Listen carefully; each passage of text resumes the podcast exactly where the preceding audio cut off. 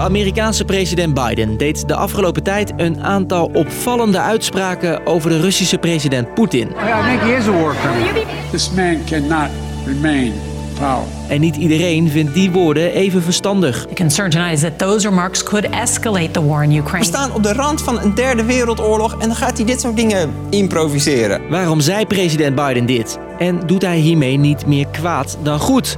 Ik ben Jasper en dat leg ik je uit. Lang verhaal kort. Een podcast van NOS op 3 en 3FM. Allereerst, wat zei Biden nou precies? Afgelopen weekend was de Amerikaanse president op bezoek in Polen om daar te praten met de Oekraïnse vluchtelingen. En tijdens dat bezoek ging het ook over Poetin. Biden noemde hem toen een slager. You know, you're dealing every day with Vladimir Putin. Look at what he's done to these people. What does it make you think? He's a butcher. En even later, tijdens een live tv-toespraak, zei hij dit. For God's sake, this man cannot remain power. En het is niet voor het eerst dat de Amerikaanse president fel uithaalt naar zijn Russische collega. Toen een journalist Biden een paar weken geleden vroeg of hij Poetin een oorlogsmisdadiger vindt, zei hij dit. Did you ask me whether I was called? Oh, I, I, I think he is a war criminal.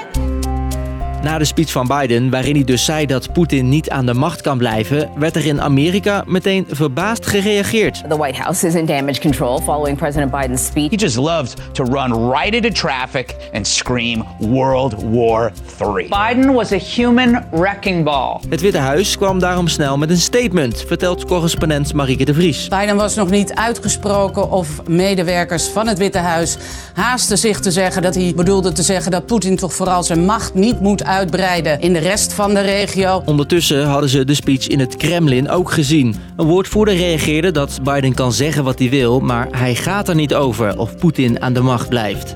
En ook de Franse president Macron reageerde meteen, omdat hij vindt dat Biden de boel onnodig escaleert. que la situation dérape. Je n'utiliserai pas ce genre de propos parce que je continue de discuter avec le président Poutine. Hij zegt dat hij dit soort woorden nooit zou gebruiken, omdat het volgens hem belangrijk is om vooral met Poetin te blijven praten.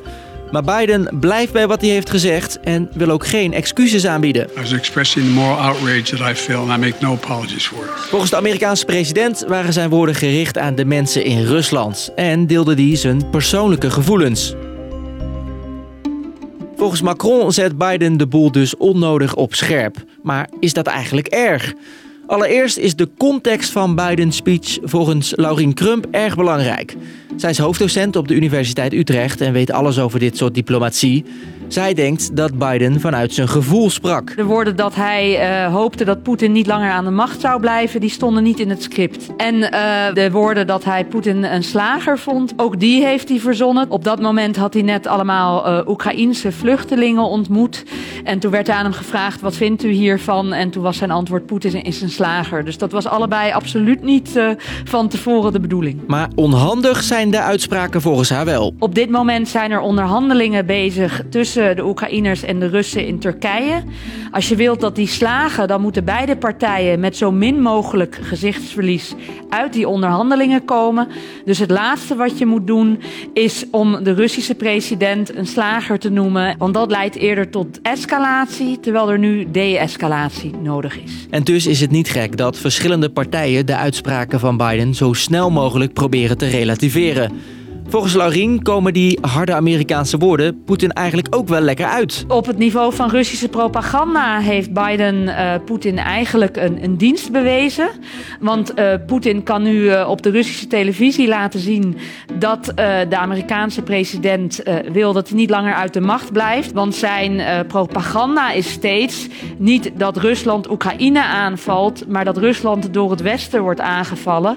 Ja, en met dit soort retoriek wordt dat steeds eh Of de woorden van Biden de boel ook echt hebben verpest, dat moeten we afwachten. Dus, lang verhaal kort. De Amerikaanse president Biden heeft de afgelopen tijd flink wat harde woorden gebruikt over zijn Russische collega. Hij noemde Poetin onder meer een slager en oorlogsmisdadiger. Niet echt handig, nu landen juist met Rusland aan de onderhandelingstafel zitten. Sommigen zijn bang dat Biden de oorlog in Oekraïne zo alleen maar erger maakt. Al denkt hij zelf dat dat wel meevalt. Was er weer. Iedere werkdag rond 5 uur staat er een nieuwe lang verhaal kort voor je klaar. Bedankt voor het luisteren.